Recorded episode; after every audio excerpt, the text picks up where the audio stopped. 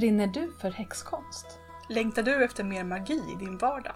Då har du kommit rätt. Ta lite fika och luta dig tillbaka. För nu blir det te och häxkonst.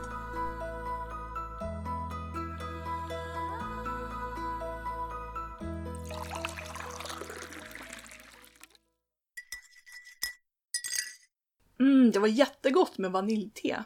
Var det det? Ja. Det var jättelänge sedan jag köpte det. Och nu så fick jag ett ryck och tänkte att jag måste uppdatera te, äh, teförrådet. Mm. Det var verkligen gott det här.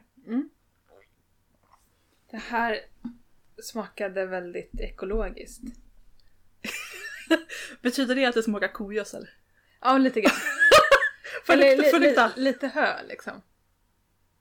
Ja, jo men, ja, ja, men jag tyckte ändå det luktade lite gott. Ja, men jag tycker ofta att örter kan få lite så här. Det är eh, någonting som påminner om nypon lite grann på något Mm. sätt. Ja. Hö och nypon. Har du gjort någonting eh, häxigt sen förra gången? Ja, men ganska mycket faktiskt. Ja, berätta! Ja. Eller så här, att jag fick för mig att jag skulle göra eh, en utmaning för mig själv i juni där jag gör någonting häxigt varje dag. Åh, gud vad bra! Men ganska små saker. Ja, Så det är så här, jag har eh, tänt rökelse för Loke som är min, eh, som jag jobbar mycket med. Eller druckit örtte med intention, rört lite grann sådär. Mm. Ehm, så små saker men verkligen se till att göra någonting varje dag. Eh, Så det har faktiskt varit bra. Det blir lite pepp utav det. Mm. Och att man kommer närmare sin, sin häxan i sig. Mm. Så. Bara genom att tvinga sig själv att göra. Mm. Eh, och det är, man mår ju bra av det. ja, jag kan tänka mig det. Det är så lätt att det är liksom det första jag prioriterar bort när jag är trött och stressad och, Mm. och sådär.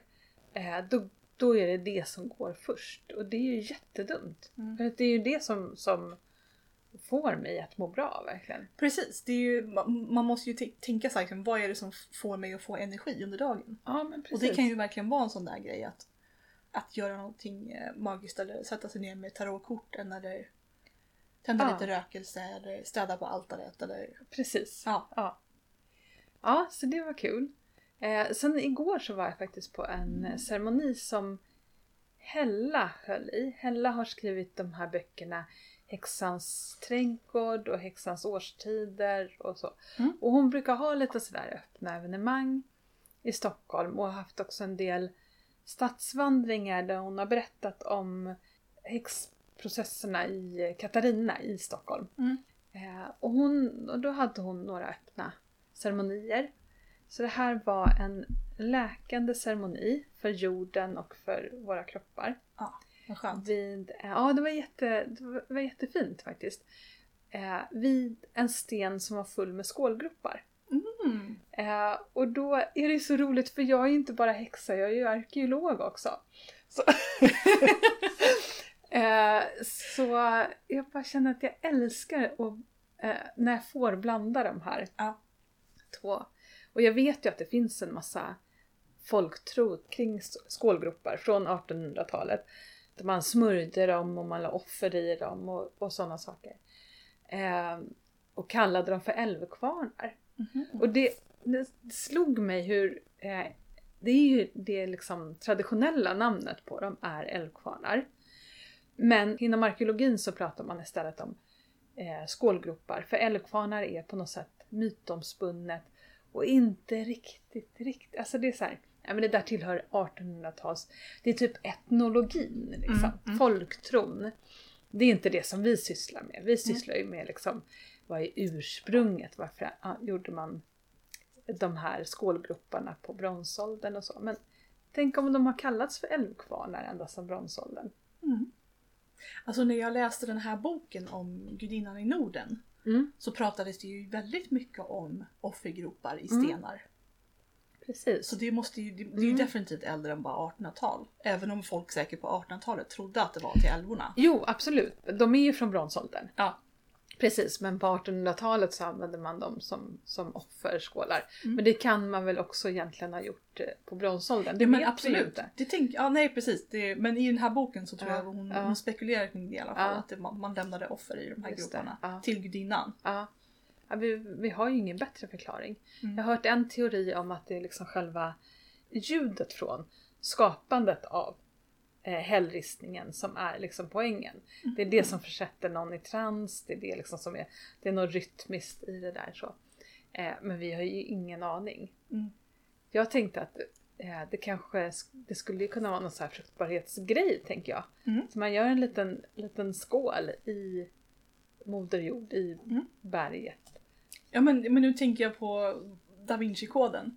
Mm. Den, den mest grundläggande, liksom enklaste symbolen för kvinnan Mm. är liksom en, en bägarform. Mm. Det vill säga en liten grop eller en eh, U-form eller liksom en, eh, Ja, en nedåtpekande pyramid. ja. Absolut. ja, och det är ju det man tänker. Det är ju det arkeologerna tänker sig, de som är så här hällristningsexperter. För ibland så är det en cirkel, eller det är en prick, under benen på vissa eh, av liksom människofigurerna på, på hällristningarna. Mm. Och då tänker man sig att ja, men det är en, en kvinnosymbol. Liksom. Mhm. Eh, så varför inte skålgroparna då Mm, egentligen? mm, mm. Eller älvkvarnarna. Jag, jag ska börja kalla det för älvkvarnar. Det är ju ändå det liksom, traditionella namnet. Mm.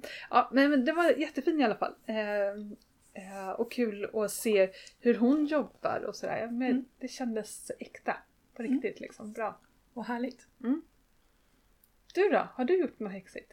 Nej men alltså jag har lyssnat på en ny podcast. Mm. Eh, Baba Yagas Magic med Madame Pamita. Mm. Och det är hon som har skrivit den här nyutkomna boken också. Som handlar om Baba Yaga. Eller nyutkomna, den kom förra året. Eh, men jag måste säga att det var, det var väldigt bra. Jag blev väldigt så här, tagen på en gång. Eh, hon, verk, hon, hon kan verkligen sina saker. Det märks på en gång. Mm. Och det är så intressant att, att höra liksom om folktraditioner som man inte är så van vid att höra om här i Sverige. Det är liksom väldigt annorlunda de här slaviska eh, traditionerna. Ja, det är både likheter och annorlunda Precis, på något ja, sätt. ja. Mm. Mm. Eh, och ju, i första avsnittet då så pratade hon just om Baba Yaga-figuren. Och det som slog mig var att nej men hon berättade så här liksom att ibland är Baba Yaga en person och ibland är hon tre systrar. Hon är förknippad med ormar, hon är förknippad med korsvägar och hon är så här skogens farmor. Och det första jag tänkte på var liksom att det låter som Hekate. Ja. Eller som hon den här Ellen of the Ways. Ja. Som ju också är skogens drottning. Mm. Så då börjar jag ju tänka så här liksom.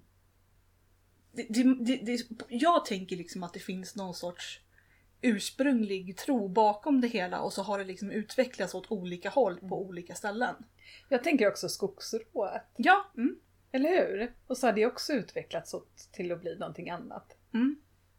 Precis, för hon skrev ju liksom att från början så var ju Baba Yaga inte den här eh, läskiga häxan som eh, puttade in små barn i sin spis. Utan det var ju liksom en, en vis kvinna som bodde i skogen och som hade ansvaret liksom för initieringen in i den andliga världen. Och hon sa också så här att spisen är väldigt viktig i eh, den, den slaviska världen. För det var liksom, det hade alla för man skulle överleva på vintern, man behövde en spis. Eh, och eh, där har man ju eld och eldens element det är kopplat till förfäderna. Så att det här med att häxor puttar in folk i spisen, det är egentligen en omskrivning för initiering. Ja. Man puttar ja. in dem i spisen i elden för att få kontakt med, dem, med sina förfäder. Ja. Ja. Jag tycker det låter helt logiskt. Ja, och jag bara wow! Ja. Har jag aldrig tänkt på förut. Och elden som tra- transformerar. Precis, och, ja. Mm. Ja men precis. Och det tycker jag är så himla häftigt när man läser de här gamla sagorna med nya ögon. Och Mm. försöker liksom bena ut vad är det, vad är det de berättar egentligen. Mm. Eh, det känner man ju verkligen att det är Mm. någonting annat. Men sen då när eh, kristendomen kom då så blev hon bara en elak, ful gammal tant som är häxa och som äter små barn. Men jag tror också att när man tappar liksom själva Mm. eh, poängen med berättelserna. Då ser man ju bara så här, jaha hon pu- puttar in någon i elden. Det är ju en jättehemsk person. Mm. Och så fortsätter man att berätta historien på det sättet Mm. och med det syftet. Och samtidigt så här, i många eh, slaviska eh, folksagor så är, är hon ju en person som också kan hon, hon testar den lite men så kan, kan hon ge en gåvor som gör att man kan klara av olika utmaningar. Man kan få en sån här jättefin häst eller ja, liksom. Mm, ja, Hon är inte nödvändigtvis liksom en person som bara liksom hugger huvudet av en så fort man kommer i närheten. Utan hon Nej, är så lite, hon, okej hon är så lite på sin kant och så här liksom bara vill gärna veta så om man är allvarlig eller inte. Mm. Men sen så kan hon liksom ge en helt fantastiska gåvor som hjälper en. Ja, jag gillar Baba Yaga jättemycket.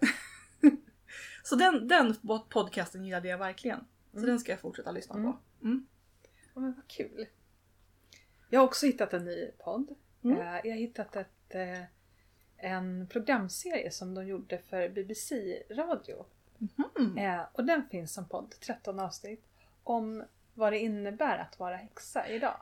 Ja! Jättebra! Verkligen. Alltså, jag kan ju störa mig så mycket på när de ska liksom, journalister ska skildra eh, ja, men häxor och, och prästinnor och liksom sådana saker. Att det blir så larvigt jämt. Men det här är Mm. verkligen, alltså hon tar det på allvar, hon hittar liksom rötterna till det och hon är själv lite nyfiken. Eller liksom, jag känner att hon kanske är häxa lite grann så. Mm. Så att den är jätte, jättefin. Den heter Witch Ah. bara. Så jag tänker att om man söker på BBC Witch Mm. så, så hittar man säkert länkar till den. Ehm, min kille har skickat mig en del så här länkar eh, på sistone. Eh, och jag tror att det började med någon intervju och någon artikel. Och vi, vi brukar prata så mycket om Sverige och sekul, seka, sekulariseringen av Sverige och att vi har tappat det här lite andliga perspektivet. Och var, det var någon intervju som jag tittade på där de just ifrågasatte det här. Liksom, att, liksom, att var har vårt andliga perspektiv tagit vägen? Och för mig så framstod det som att det de menade var att vi saknar kristendomen. Och då blev det så lite mm, nej.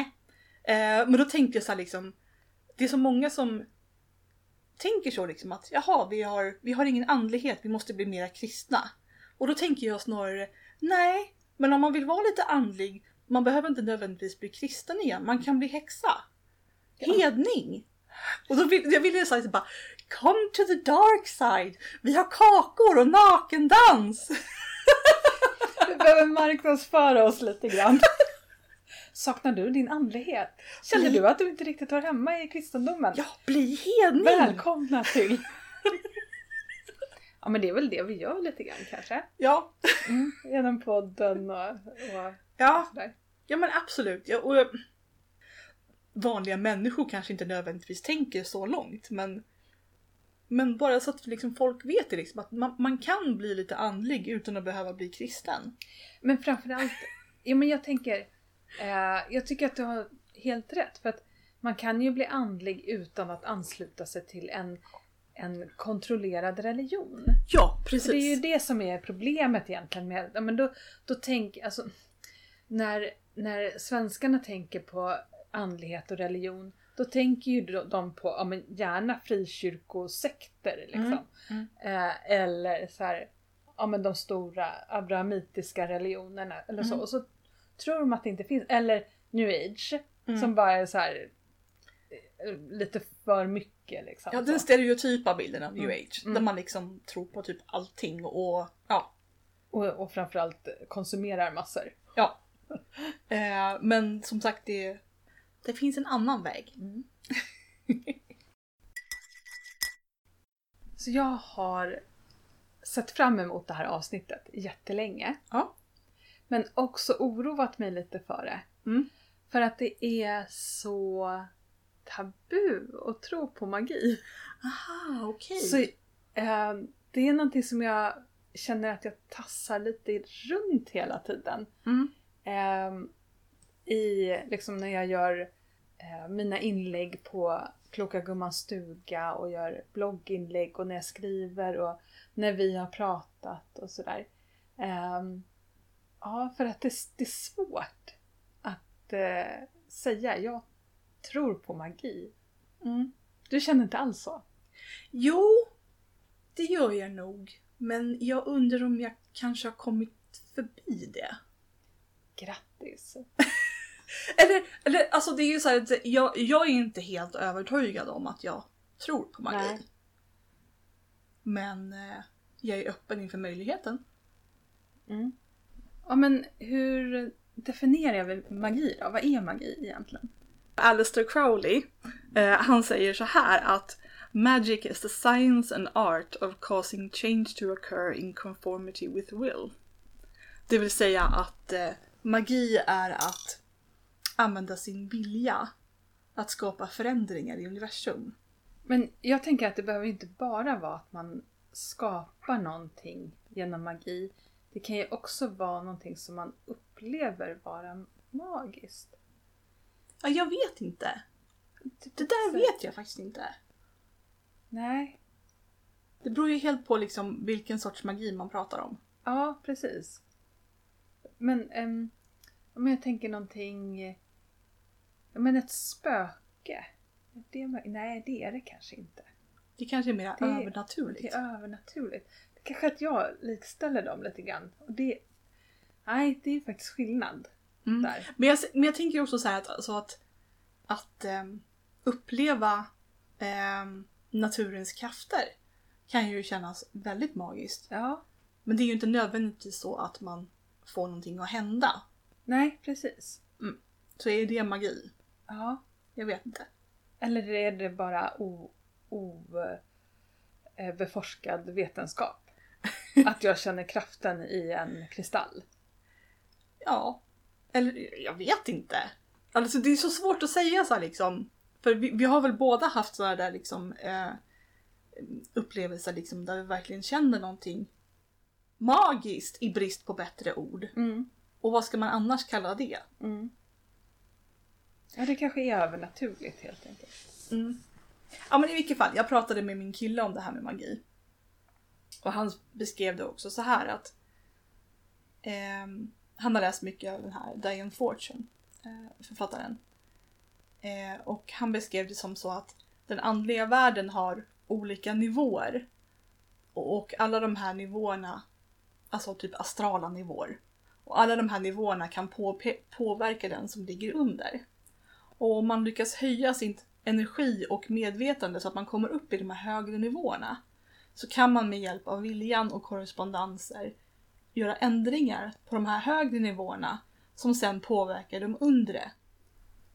Och det i sin tur blir förändringar här nere i den fysiska världen. Och det låter ju väldigt mycket som high magic. Ja, det är ju en väldigt, eh, vad ska man säga, mm, teknisk, eh, formell definition. Mm. Mm. Ja men vad intressant. Ja. Och sen kan ju liksom Sen kan ju magi liksom vara allt från magiska sällskap som har egna tempel och eh, kläder och svärd och saker. Det, liksom, det kan vara det eller så kan det vara liksom bara en häxa som står i köket och rör i sin kastrull. Mm.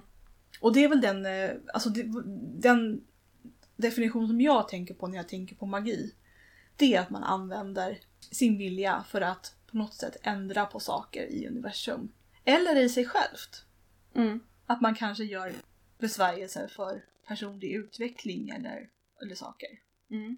Eller att man försöker dra till sig pengar eller ett jobb eller något sånt där. Mm. Ja. Vad tycker du magi är? Jo men det, det är väl det att man, ja, jag, jag tror att jag egentligen håller med Crowley. Att det Mm. är att man, man skapar förändring eh, på ett sätt som vetenskapen inte kan förklara. Mm, precis, inte än. Inte än. Precis. Det finns en science fiction författare som har sagt någonting med att allt som eh, ser ut som magi egentligen bara eh, vetenskap som vi inte har kommit på än. Det jag tycker är intressant då, om vi, om vi utgår ifrån att vi tror på magi. Hur tror vi att det fungerar? För då läste jag den här eh, Vänster hand och eh, Motsols som är Bengt av Klintberg tror jag. Mm. Som har skrivit om eh, magi i svensk folktro. Mm. och då skriver han att men det ska vara, man ska göra det då med vänster hand eh, om man är högerhänt. Och man ska göra allting motsols för att det är liksom det motsatta. För då öppnar man på något sätt upp för den andra sidan, den andra världen, den, Mm. liksom, det mystiska. Eh, och då kan man styra de krafterna. Mm. Eller nej, inte styra de krafterna utan liksom kontaktar andra väsen som utför uppgifterna åt en. Precis. Ja. Ja. Eh, det är en tanke. Mm. Men jag tänker också att eh, eh, om, om jag gör en amulett med örter och kristaller och någon liten benbit eller vad jag nu har i den här. Så finns det en inneboende kraft i ingredienserna som jag Mm. använder. Mm. Och att jag på något sätt aktiverar den. Ehm, jag tänker att en trollkarl liksom kontaktar andar och bara eh, får dem att göra eh, Crowley, han höll ju på och skulle kontakta demoner hela tiden, Mm. kalla fram demoner och liksom utföra hans vilja. Medan en häxa egentligen styr krafterna själv. Mm. Jo men alltså många skulle, häxor skulle då säga att alla de här ingredienserna som du använder, varje växt, varje sten har en ande i sig. Ja, du tänker så. Så tänker inte jag. Ja, nej, men alltså, jag vet inte om jag tänker så, men jag har liksom läst att det funkar så när jag har eh, läst lite på internet om magi. Ja. Och att det, det, det, det är de krafterna inom citationstecken som man använder. När man till exempel skapar en amulett eller ja. Mm. Ja, det beror ju på då vad den här anden är för någonting. Om man kan tänka att örtens energi är en ande. Ja, hur, Mm. man, hur man ser på det och hur man definierar det. Precis, och det är ju här det här kommer in liksom med korrespondenser och vad liksom olika örter och olika stenar har för betydelse rent magiskt. Så att man till exempel vet att eh, en viss växt den ger pengar och en annan sten den ger skydd. Men jag skulle nog inte ka- kalla energin och ande. Jag känner att det är inte riktigt det är samma sak. Om jag säger frekvens. Ja. Ja, ja absolut. Mm. Mm. Alltså för, för jag som är så intresserad av astronomi, jag, jag skulle ju liksom gå in på det här med att ja men hur fungerar magi? Mm, det handlar om kvantmekanik och fysik. Ja. Det vill säga liksom på, allra ner på den minsta, minsta, minsta, minsta, minsta nivån liksom. Där eh, har vi liksom energin. Ens vilja kan påverka liksom kvantfysiken på den subatomära nivån.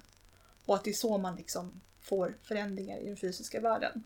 Mm. Så jag menar liksom det, det kan ju bli hur ha, esoteriskt som helst. Mm. Mm.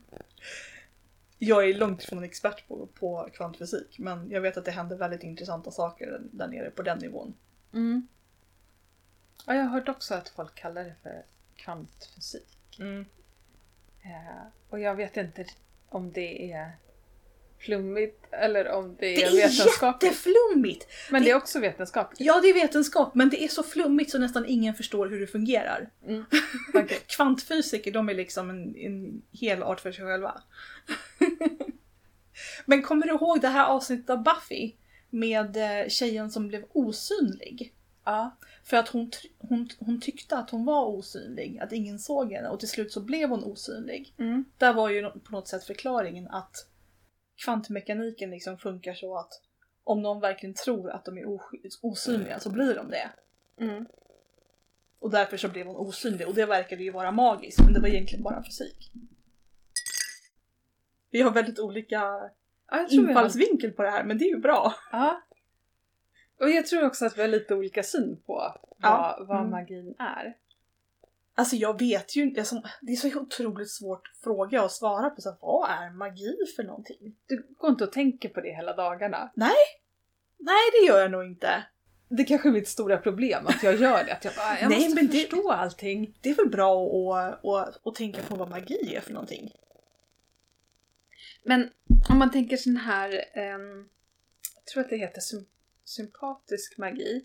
Mm. Eh, alltså att man gör någon, en handling Mm. och så ska den handlingen eh, speglas liksom. Men okej, ta voodoo-dockan Mm, till exempel som är en klassisk. Ehm, att det jag gör med voodoo-dockan ska också hända på dig. Precis, och då har du antagligen fyllt den där voodoo-dockan med till exempel hår från den här personen. Eller någon sorts nagelklippningar. Eller med korrespondenser som, som liksom gör att det... Ah, ja, du tänker så. Men, men Eller det kanske finns inte. det, ja, ja, men jag, eh, du har nog säkert rätt. Men, men jag tänker att det finns andra liksom, handlingar som man gör som är bara symboliska och ska få konsekvens. Ja, ja men mm, mm. Eh, Ja, jag förstår vad du menar. Alltså man Ja. behöver ju inte fylla voodoo-dockan med hår. Liksom. Det, om, Mm. Du kan ju till exempel göra en liten docka som ser ut som mig. Med svarta kläder och blont hår. Och då ska det föreställa mig och därför funkar det. Ja, just det. Precis. Mm. Jag tänker också eh, mm, som i det lilla så i det stora. Precis. Finns det inte något sånt Ja, uttryck ja något men alltså lika? liksom ehm, as above so below. Ja. Allting på den övre nivån speglas i den undre nivån och tvärtom. Tvärtom. Ja. Ja. Så att allting som sker på de högre nivåerna sker också på den lägre nivåerna. Men vad är det för krafter man sätter igång där då? då? Jo men det är ju en av de eh, grundprinciperna inom, inom esoterismen och det ockulta och magin. Att allting som sker i det lilla också sker i det stora. Jag är inte så här jätte... Du, behöver, inte ha, något svar på, på den här frågan. jätte in, i, alltså, bra på just den men... eh, Nej men jag bara funderar på liksom vad, vad, är, vad är det som händer i det? Är det också andar som man då... Nej jag tror, jag tror inte det. Jag tror att, men det, det är ju lite som att vi har makrokosmos och mikrokosmos. Det vill säga om man tittar ut i rymden på de allra största nivåerna på galaxer och sånt så ser det ju nästan ut likadant som när man går ner på mikronivån och tittar på atomerna. Ja, Det, det, finns faktiskt jävligt coolt. Ja, det finns liksom en sorts spegling liksom. Jag, alltså om jag skulle bara släppa loss helt här med spekulationen så skulle jag säga att det finns det finns fysiska lagar som vi inte vet om. Än. Mm. Och det finns regler för hur saker funkar på någon sorts nivå som vi inte har fastställt. Mm. Ja, jag, jag håller liksom mest på att bara fundera på hur, om jag tror på det här, varför tror jag på det liksom och hur, hur tror jag att det fungerar egentligen? Eh, så det, det är bara så här funderingar. Men, eh, ja, men jag, tänker också på det här med intention, för det säger ju alla, framförallt amerikanska häxor tycker jag, att så här, eh, ja men du ska liksom använda din intention. När du dricker ditt te då ska du röra med skeden tre gånger och så ska du liksom eh, röra ner din intention i teet. Typ Mm. så. Mm. Och jag undrar så vad det är för någonting. Ja men det är ju någon sorts uttryck för, för, sin, för, för sin vilja. Mm. Att man liksom, nu gör jag det här för att jag vill ha ett visst resultat. Ja men vad sitter det någonstans? Sitter det i tankarna? Tänker jag så här hus på landet, hus på landet, hus på landet. eh, och så blir det så. Eh, då skulle det ju lika gärna kunna vara så här, jag sitter och rör lite eh, slappt med skeden och så tänkte jag på att jag missar bussen och då kommer jag missa bussen. Mm. Ja men, Jag tänker att det sitter ju någon intention är ju starkare än att bara tänka någonting eller Ja. vilja någonting. mm. Men var kommer det ifrån? Var sitter det någonstans? ja, men alltså, jag, jag vill säga att det sitter i magen men det sitter väl snarare i våra, vad kallas det? Det övernaturliga sinnet, det sjätte sinnet. Mm. Det är väl där det sitter. Mm. I, i ens egen magi. Eller ens egen kraft. Och hur får man kontakt med det då? Jag tror, jag tror inte att det är någonting som man får kontakt med direkt. Ja, men för att återvända till Crowley. Jag pratade med det här med min kille. Eh, och han säger att, ja, men okej, Crowleys eh, definition låter bra men så kommer ju då följdfrågan, vad är vilja? Ja, det Eh, kanske är där jag är lite ja. grann. Är Men han, han beskrev det som att det är inte bara så här liksom, oh men jag vill ha ett hus på landet. Utan det handlar också mycket om att det handlar om den sanna viljan. Det vill säga alla såna här jag vill ha mera pengar och jag vill ha ett hus på landet och jag vill ha en pojkvän och jag vill ha... Det är liksom det är ytliga saker som man vill ha. Men när man liksom har gjort mycket skuggarbete och man har lärt känna sig själv och man har mediterat och, och sånt där. Och, liksom, och då kommer den sanna viljan fram och det är någon sorts... Nästan som ett öde. Och det är den som man kan manifestera i verkligheten. Mm, jag förstår. Jag, jag tror att jag förstår. Mm. Ja. Det är nästan så jag vill börja slänga mig med såna här andliga ord som ehm, purpose. Mm. Just det. Vad är, Li- din, li- vad är just min gudomliga mening med livet? Ja, just. Mm. Men man kan ju... Kan man inte manifestera ljus på landet ändå då? Det kan man säkert göra. Ja. Okej, men, men det som jag, jag tänker då är att eh, när jag eh, när jag började med häxkonst då var ju det liksom, jag läste en bok om Wicca. Mm. Eh, och då fanns det väldigt tydliga instruktioner på hur man slår en cirkel. Man kallar in elementen, man ska liksom ha eh, en kniv och en stav och sådana saker med i ritualen och, och allting man ska göra. Guden och gudinnan och så. Och där kan man skapa magi. Men folkmagi, som Mm. vi har pratat lite om, är ju, och som hon beskriver i den här Baba Yagas eh, witchcraft, är ju mycket mer att man bara läser en ramsa över någonting och sen är det klart. Och att man kanske så här, man gör, ja, men, man kastar salt över axeln för Mm. att eh, undvika otur eller jag vet inte riktigt vad det är till för. Men du vet, så här små, små, små handlingar som är magiskt laddade utan alla de här liksom runt omkring Mm. grejerna. Men hur, varför blir det magiskt laddat när jag kastar salt över axeln i ett syfte? Och varför blir det inte när jag liksom saltar på, eh, på maten? Förstår du vad jag menar? Vad Ja, men- är det jag lägger i det där kastet?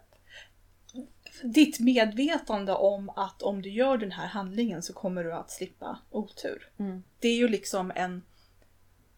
När man står och saltar på maten så står man ju bara det här på lite salt och man tänker på någonting annat. Ja. Däremot när du gör, när du kastar salt över axeln så är det liksom en lång tradition av folk som har gjort det tidigare. Innan dig. Med samma syfte. Och då blir det kraft i det. Ja. Det har liksom på något sätt blivit en magisk aktion. Med intention. Jag tänker att det också kanske är det här att man måste tro på det man gör. Mm. Och det är där jag vacklar lite grann. Alltså Mm. att när jag väl sitter med och ska utföra magi så, så är inte jag hundra på att det här faktiskt eh, funkar. Mm. Eh, och det där tvivlet sätter ju, säger de ju att det sätter, sätter ju käppar i Mm. hjulet. Eller liksom får det att inte fungera. Mm. Ja, jag kan förstå. Jag, jag känner mig också sådär ibland. Eller för det mesta. Jag gör inte så mycket magi faktiskt. Det är väl eh, dåligt av mig att sitta här och bara "Nej, men jag gör ingen magi men jag, jag är häxa ändå. Ja, men det, det där tycker jag också är jätteintressant Sofia. Att man, eh, vissa säger ju att man måste göra magi för att vara häxa, annars kan man inte kalla sig för häxa. Mm. Medan jag tycker att häxkonsten är så otroligt mycket mer än faktiskt att försöka trolla fram saker Mm. eh, i sitt liv. Ja men då är vi ju på, tillbaka på den här liksom vad menar man med magi? Ja. Jag menar när du pratar om den här magiska cirkeln och alla ehm, magiska verktyg som ska vara med och riktningar och alltihopa. Det är ju på något sätt, allting i den magiska cirkeln är ju det är ju en som, som en sorts sammanfattning av de krafter som finns runt dig. Det är liksom det är elementen och det är liksom himlen och jorden och det är, Jag tänker liksom att en, en riktigt bra häxa som bara står i köket och rec- reciterar en ramsa och så är det klart. Hon vet redan liksom att allt det redan är med Ja. i det hon gör. ja. Hon Så vet, tror jag också. ja, hon vet liksom att ja, men i det här saltet så finns jordens element. Och i min andedräkt så finns luftens element. Och det är liksom inräknat Mm. lite. Precis, hon, hon behöver inte ens tänka den tanken, det bara är där. Mm. Ja, tror också det. Jag tror också att det är liksom som jag lite eh, försöker komma fram till är att det, vissa människor har en naturlig kontakt med den kraften. Eh, någon sorts urkraft som finns liksom inom oss. Eh, Medan jag behöver jobba lite grann för att, att få fram den här kraften. Eh, vissa tänker inte ens på att den är där. Mm. Ehm, och jag läste, dels så lyssnade jag på Eckart Tolle någon gång. Där det var någon som frågade om man kunde använda liksom det här, han pratar ju mycket om närvarande, att vara i nuet och liksom eh, när, närvaro framförallt. Mm. Och om man kan använda närvaron för att kontrollera liksom, andra och för att eh, skapa saker i sitt liv. Mm. Och då så sa han att men många utav de som har den här närvaron och som är sådana här gurus, de har också ehm, lätt till det här. Att, att eh, nå det här tillståndet där de kan skapa saker och kan kontrollera folk omkring sig. Och att de liksom sjunker ner i ego, som han kallar det för då. Eh, och eh, kontroll, alltså det är så man blir sektledare lite Mm. grann så. Mm. Man har den här intensiva närvaron men man har inte gjort sig av med egot och så kontrollerar man folk omkring sig. Han pratade om att det finns liksom ett mellanrum mellan den fysiska världen och den andliga. Där eh, man kan nå det som jag kallar för trolldom då. Men han Mm. kommer inte ihåg vad han riktigt, hur han uttryckte det. Jo men det måste ju vara en av de här astrala nivåerna där, liksom, där man inte längre är riktigt på den fysiska världen. Precis. Ja, för, för, eh, för då, det var någonting som klickade till i mig där när jag Mm. gick och lyssnade på det här. Eh, och det, det här kände verkligen den här Mm. den, den kraften mittemellan. Och jag tycker också att det är lite roligt för att jag har tänkt länge på det här med mellanrum, att saker och ting sker i mellanrummen och att det är mellanrummen som liksom eh, naturväsena finns och Mm. eh, mycket liksom utav de här övernaturliga sakerna. Skugglandet. Ja men precis. Mm. Det är, ja, skymningen, Mm. gryning, det är liksom mellanrum. Eh, tolvslaget på natten är ju mellanrummet mellan Mm, dygnen och så här. Men det är i mellanrummet på något sätt. Och sen läste jag då eh, den här Psychic Witch. Mm.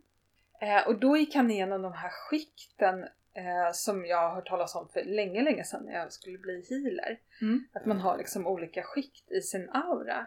Och då är det bara ett skikt där som var astral Mm. eh, skiktet eller astralkroppen. Mm. Där, där jag bara kände igen den här kraften. Mm.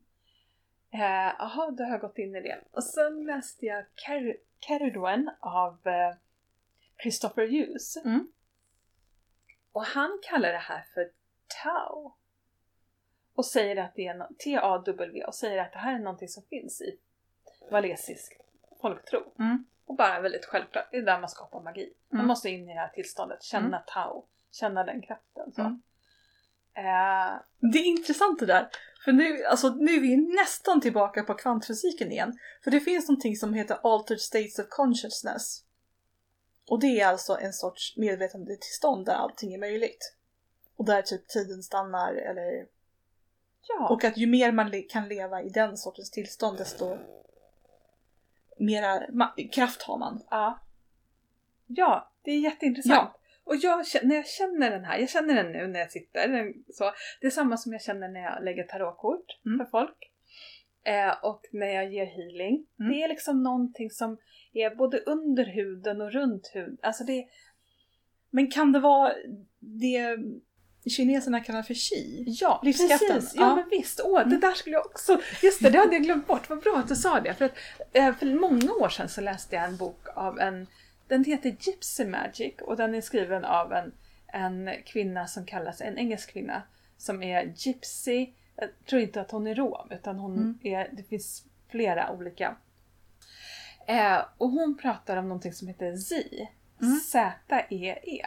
Mm. Och att det är liksom den här kraften, den finns överallt omkring oss. Mm. Livskraften. Och den kan man samla ihop och liksom manifestera saker genom. Precis, och det är ju det vi brukar prata om när vi pratar om energi. Mm. Eller hur? Mm. Eh, och att om nu, om nu magi behöver både intention och energi så ska man ha, liksom, ha då både... För jag tror det är många häxor som liksom def- definierar det här som att man sätter ihop en intention, till exempel i en amulett eller något sånt där. Eh, och sen så skapar man, alltså man samlar ihop den energi man behöver. Man drar upp energin ur jorden eller genom att dansa eller trumma eller sånt där. Och så, an, och så, så eh, använder man det, man fokuserar man energin på det man ska göra. Och det är då det liksom kommer till liv så att säga. Precis. Ja. Ja, så intentionen är ju egentligen fokuset. ja, precis. Ja, fokus. Just det, riktningen Mm. på energin. Mm. Det är där jag brister lite. Jag är inte Ja. jättebra på det där. Och jag menar, Däremot att känna energin, där är jag liksom och samla ihop den. Ja. Absolut. Mm. Och, och, och för att återvända till kvantfysiken igen. finns ju många som säger att det handlar om frekvens. Att få exakt rätt frekvens på saker. Att till exempel höja sin egen energi så att ens egna astrala kropp når en viss frekvens eller något sånt där av energi. Och att allting liksom är en frekvens egentligen. För eh, går man ner på den allra minsta nivån så har vi ju ehm, strängar som vibrerar. Och hela jorden är liksom, allting i universum är gjort av små strängar som Sträng- vibrerar till en. Ja. Precis, som vibrerar i en viss frekvens. Alltså det är så vackert. Ja. det är så vackert. Men det, ja, det, och det är det som din, din kille pratar om lite grann, att man går eh, i olika nivåer på något Precis, sätt. Då är ja. det ju som olika frekvenser. Precis, men då tänker jag liksom att om man, ska man definiera magin på det sättet så blir det ju att man, man manipulerar frekvensen på hur de här små strängarna vibrerar. Känner du att du är bra på det här med vilja och intention? Eh, nej. Är, är du bättre på, på um, energierna? Ja, det vill jag inte säga heller. Alltså, när vi kommer in på det här med vilja och intention. Då, det, det, finns ju, det finns ju många häxor som eh, säger att man, man ska öva upp sin disciplin. Man måste liksom renodla viljan. Och jag är inte så dis- disciplinerad. Nej, inte jag heller. Framförallt är inte min hjärna det. Det här med att liksom fokusera eh, Ja. mitt medvetande. Mm. Skitjobbigt. För jag vet ju att eh, du pratade om Psychic Witch. Och där har jag ju läst att eh, en av de första övningarna man ska göra innan man ens börjar läsa boken, det är att man, man ska kunna sitta och meditera och räkna ner från 100 till 0 utan att komma av sig. Men det är jättejobbigt. Jag Men, vet! men alltså, d- det är lite... Han kör det. Men nu när jag, jag gick ju den här månkursen förra året. Mm. Christopher Pensack, han, han räknar ner från... Först från 13 till 0. Mm. Och sen från 12 till 0. 13 till 0, då ska man se siffrorna framför sig. Mm. 12 till 0, då ska man bara räkna, man behöver inte se dem. Mm. Och sen hamnar man då i ett meditativt tillstånd. Och jag tycker att det funkar faktiskt. Okej. Men Mm. från 100 till 0, det är ju larvigt. Ja men liksom, och, och, därför så kom jag av med lite, jag har fortfarande inte läst den, bök, den boken för jag bara, äh, men det är ingen chans att jag klarar första övningen så då, då, då, då, då, får inte jag läsa boken. Ja, det där är ju jättesynd. Hoppa över bara det du inte gillar. Ja, ja, ja. För jag blir så här liksom, nu ska jag vara en duktig häxa och för en gångs skull både läsa boken och göra alla övningarna Ja, jag istället för bara vara lat och bara läsa boken. Ja, men vet du, jag brukar göra, jag brukar så här, tänka, ja, men jag ska läsa boken först. Mm. Så, när jag läst klart den, då ska jag börja göra alla övningarna. Ja. Och det gör jag aldrig. Det är ju, nej precis. inte jag heller. Men, men ofta så är det ju någon grej som man plockar med sig och bara, men det här var bra. Så, så, Mm. Men så tänker jag alltid att jag ska läsa om böckerna. Och liksom verkligen eh, gå igenom och göra övningarna ordent- ordentligt. Mm.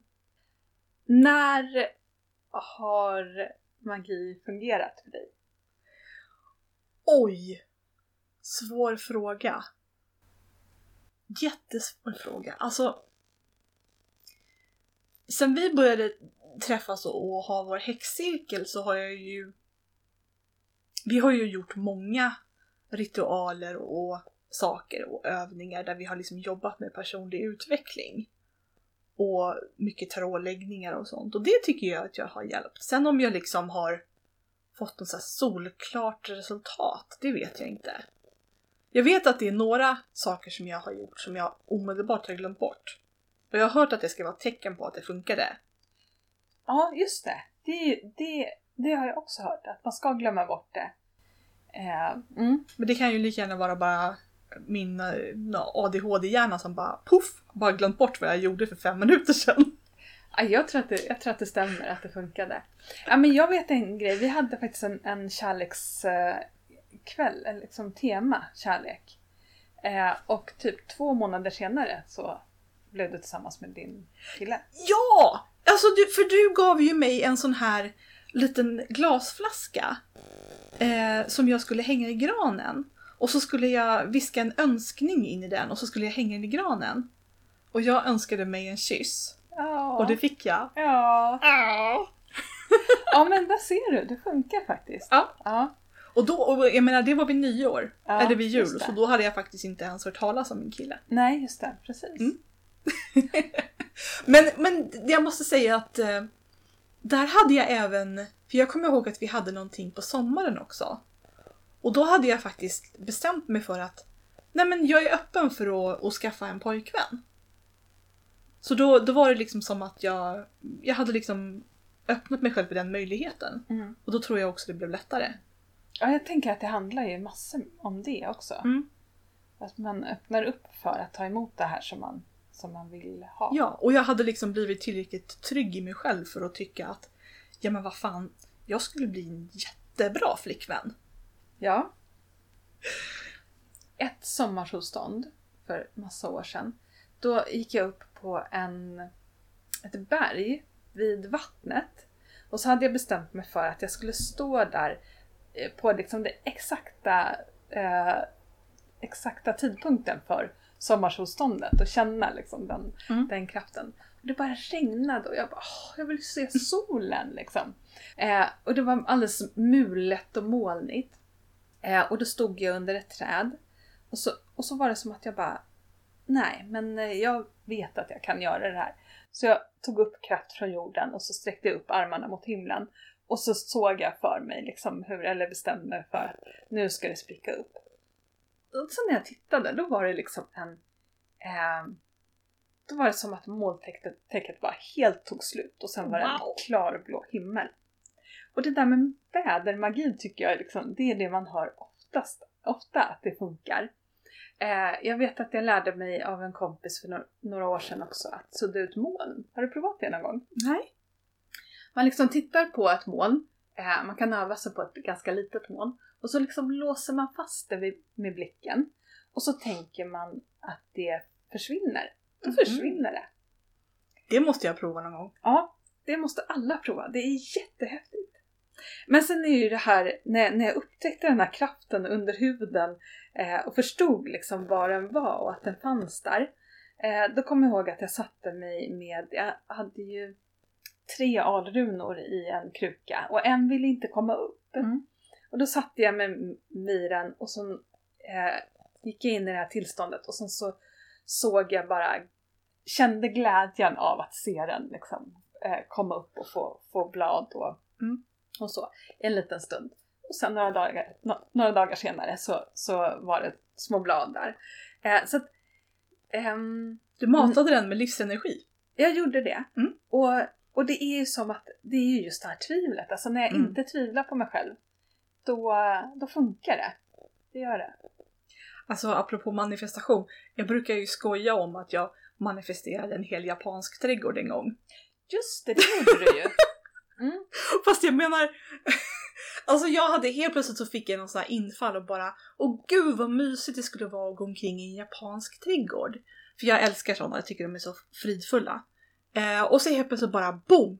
Så såg jag någon artikel eller någon inlägg och då är det liksom någon privatperson som har anlagt en japansk trädgård i Bagarmossen i en skogsdunge. Och jag gick dit och stod bara det här är helt fantastiskt, var kom det här ifrån? Och det är ju inte som att jag liksom det var ju inte jag som liksom trollade fram den där trädgården över natten.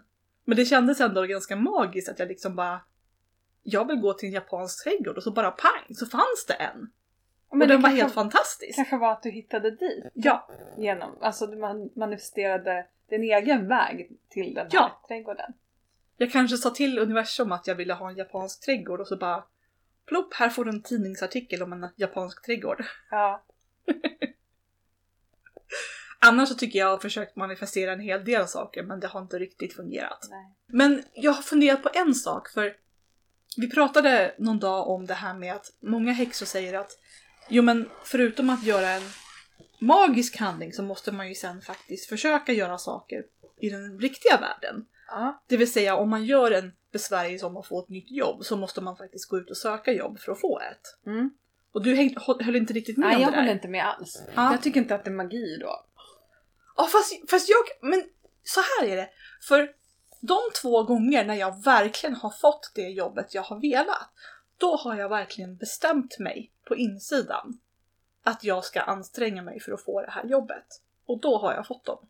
Så då tänker jag liksom att då kanske min intention kanske verkligen har någonting med saken att göra.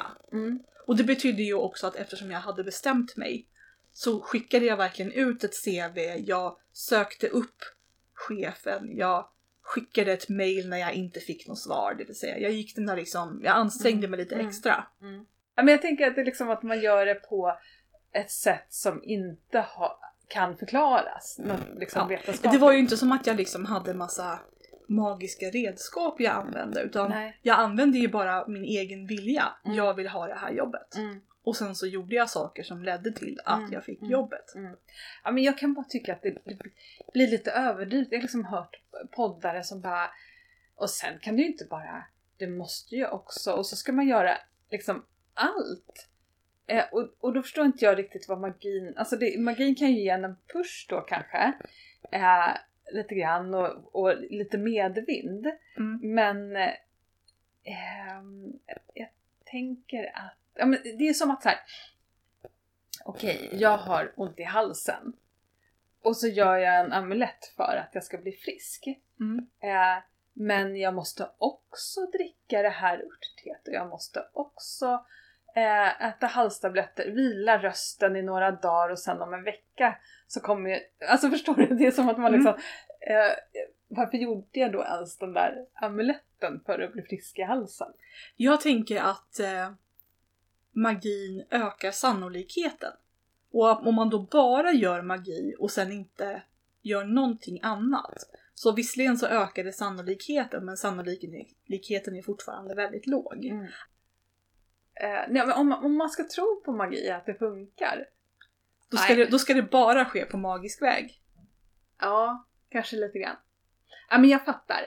Jag tänker också så här att ju mer energi man lägger in i det, det vill säga inte bara magisk energi utan även liksom helt vanlig fysisk, nu ska jag anstränga mig och skicka ut CVs och hänga på LinkedIn, det är ju också energi.